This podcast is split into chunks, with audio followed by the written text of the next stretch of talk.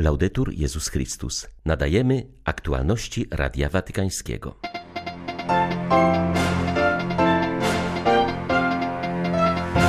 Urywa się kontakt z ukraińskimi katolikami, którzy znajdują się na terytoriach okupowanych. Rosjanie wygnali właśnie stamtąd dwóch ostatnich księży.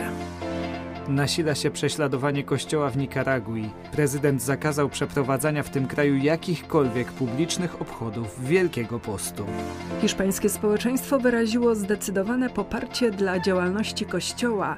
W minionym roku podatnicy przeznaczyli na cele kościelne historyczną kwotę ponad 320 milionów euro. 3 marca witają Państwa ksiądz Tomasz Matyka i Beata Zajączkowska. Zapraszamy na serwis informacyjny. Urywa się kontakt z ukraińskimi katolikami, którzy znajdują się na terytoriach okupowanych. Wskazuje na to ksiądz Aleksandr Bogomas, jeden z dwóch ostatnich katolickich duszpasterzy, którzy posługiwali na terenach zajętych przez Rosjan. Teraz w tych czterech regionach nie ma już ani jednego katolickiego księdza, mówi 34-letni kapłan. On sam pełnił posługę w Melitopolu i wcale nie myślał o wyjeździe, choć Rosjanie wprowadzili terror, przeprowadzali naloty na kościoły, wzywali na przesłuchania. W grudniu jednak nowa administracja skazała go na wygnanie. Jedyną jego winą było to, że jest młodym katolickim księdzem na terenach, które Putin włączył do Rosji. Ten sam los spotkał potem również ostatniego katolickiego księdza na terenach okupowanych. Rosjanie dali mu ultimatum: przejdziesz do patriarchatu moskiewskiego, a jak nie, to wyjeżdżaj. Dziś ksiądz Oleksandr jest w Zaporożu. Ulokował się na osiedlu, które zostało ostrzelane rakietami przez Rosjan.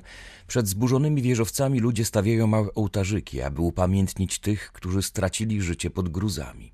W Zaporożu wysiedlony kapłan jest duszpasterzem zarówno dla miejscowych, jak i dla katolików, którzy pozostali w Melitopolu. Dzieli ich 100 kilometrów, lecz mimo to stara się utrzymywać z nimi kontakt. Codziennie nagrywa dla nich filmy z medytacją o Słowie Bożym, jednak liczba odbiorców maleje z każdym dniem.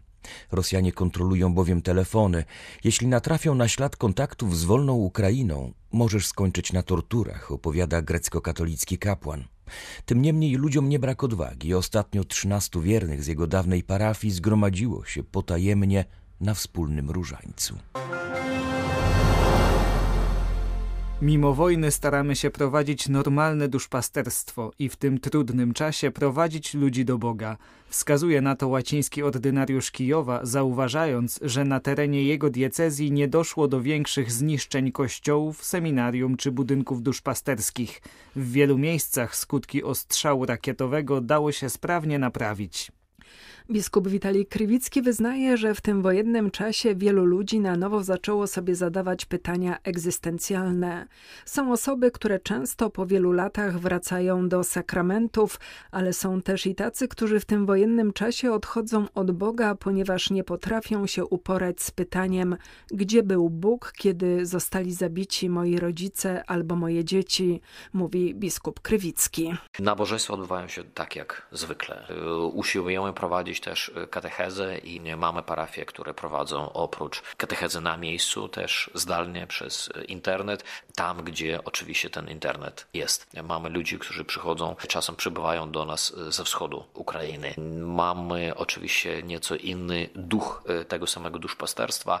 Cały czas mówimy o odwadze i mówimy skąd ją czerpiemy. Mówimy o tych siłach, które czerpiemy właśnie od Boga samego. No i to jest ten kontekst, z którym ludzie przychodzą dzisiaj do kościoła. Rozumieją, że oni są odważni, rozumieją, że mogą zrobić wiele, ale ostatnie słowo zawsze za Bogiem. W modlitwach Kościoła łączymy się też ze wszystkimi, którzy podtrzymują nas, między innymi Kościół w Polsce, który tak zaświadczył nam tej pomocy.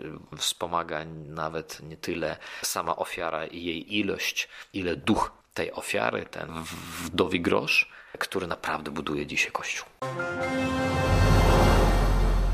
Aleppo dzień po dniu traci nadzieję. Trzęsienie ziemi pozbawiło tysiące mieszkańców resztek tego, co posiadali i teraz koczują na zewnątrz lub mieszkają ściśnięci w ocalałych budynkach.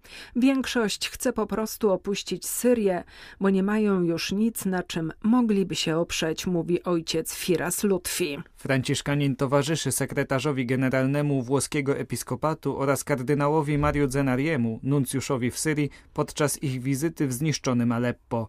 Odwiedziny zaplanowano jeszcze przed katastrofalnym trzęsieniem, które boleśnie dotknęło to miasto.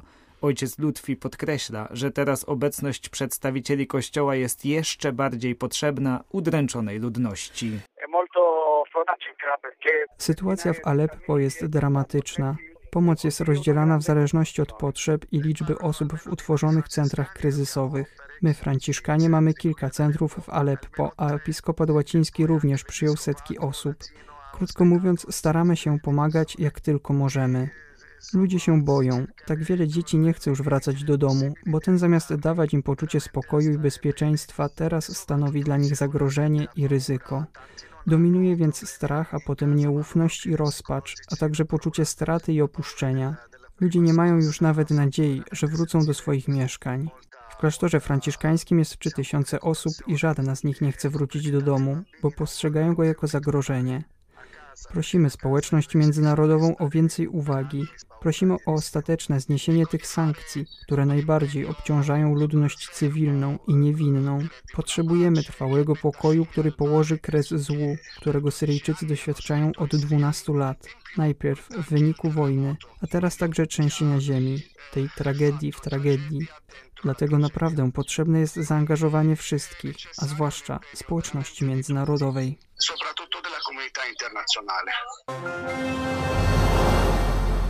Kolejne zgromadzenie zakonne opuszcza Nikaraguę. Tym razem z kraju wyjechały trapistki. Choć zgromadzenie oficjalnie informuje o dobrowolności tego kroku, istnieją uzasadnione podejrzenia, że mógł on zostać wymuszony przez władze otwarcie walczące z Kościołem.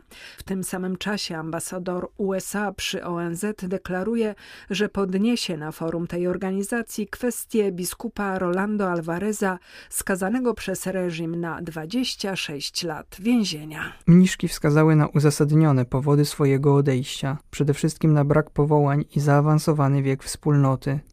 Jednak jak donoszą media, w ostatnich dwóch tygodniach Państwowy Urząd do Spraw Migracji zaczął wzywać różnych zagranicznych zakonników i misjonarzy, aby spełnili nowe wymagania dotyczące ich pobytu. Działania urzędu były już powodem wyjazdu wspólnoty sióstr od Krzyża i Najświętszego Serca Pana Jezusa przed trzema miesiącami, jak podały później zakonnice, wygasły ich pozwolenia na pobyt. W lipcu poprzedniego roku rząd otwarcie też wydalił misjonarki miłości. Pretekstem było rzekome naruszenie prawa przeciw praniu brudnych pieniędzy, finansowaniu terroryzmu i rozprzestrzenianiu broni masowego rażenia. Jak wskazują eksperci, Kościół stał się celem ataków dyktatora, gdyż jest ważną instytucją dla Nikaraguańczyków i niejednokrotnie podnosił głos przeciwko zbrodniom władz. Pomagał także ludziom ściganym przez władze po protestach w 2018 roku.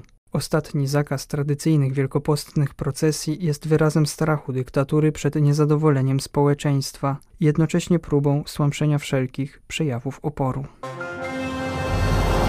Hiszpańskie społeczeństwo wyraziło zdecydowane poparcie dla działalności Kościoła. W minionym roku podatnicy przeznaczyli na cele kościelne historyczną kwotę ponad 320 milionów euro, o 8,5% więcej niż rok wcześniej.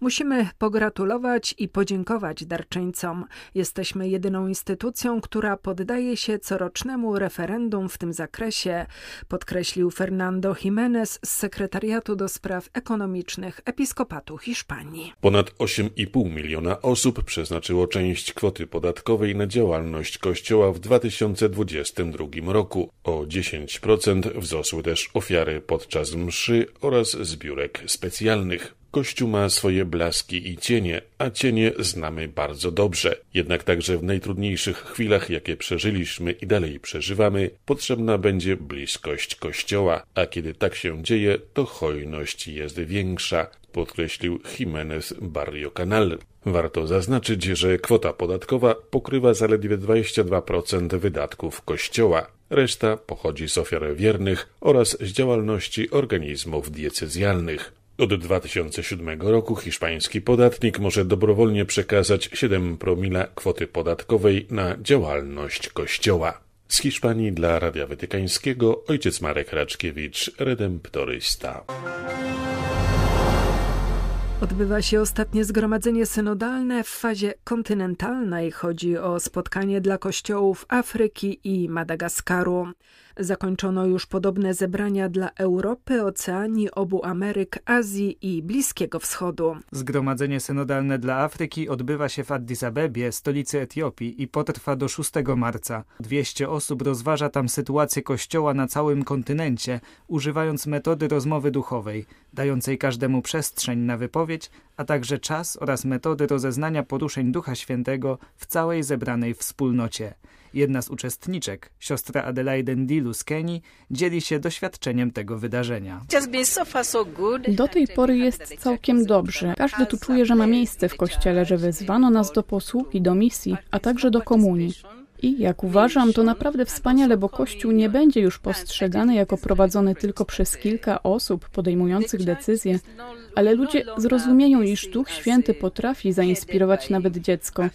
I dziecko może również mieć jakiś wkład.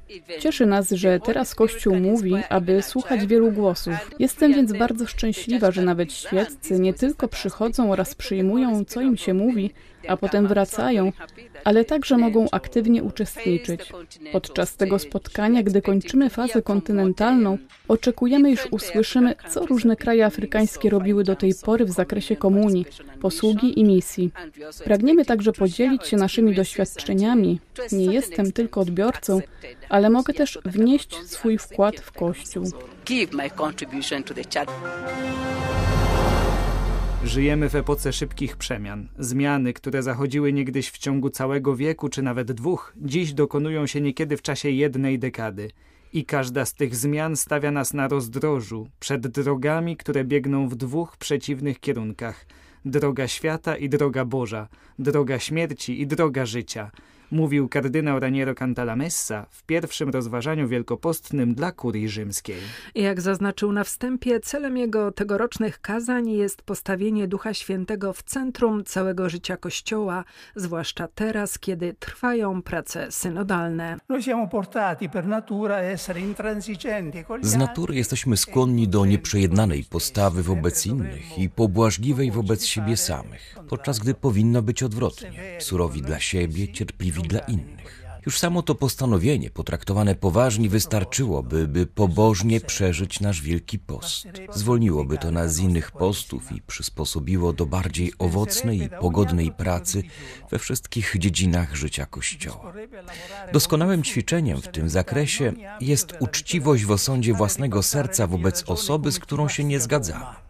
Kiedy uświadamiam sobie, że sam przed sobą kogoś oskarżam, to muszę uważać, by nie stanąć natychmiast po swojej stronie, a zamiast tego spróbować postawić się w sytuacji drugiej osoby, aby zrozumieć jej rację i to, co ona mogłaby mi powiedzieć.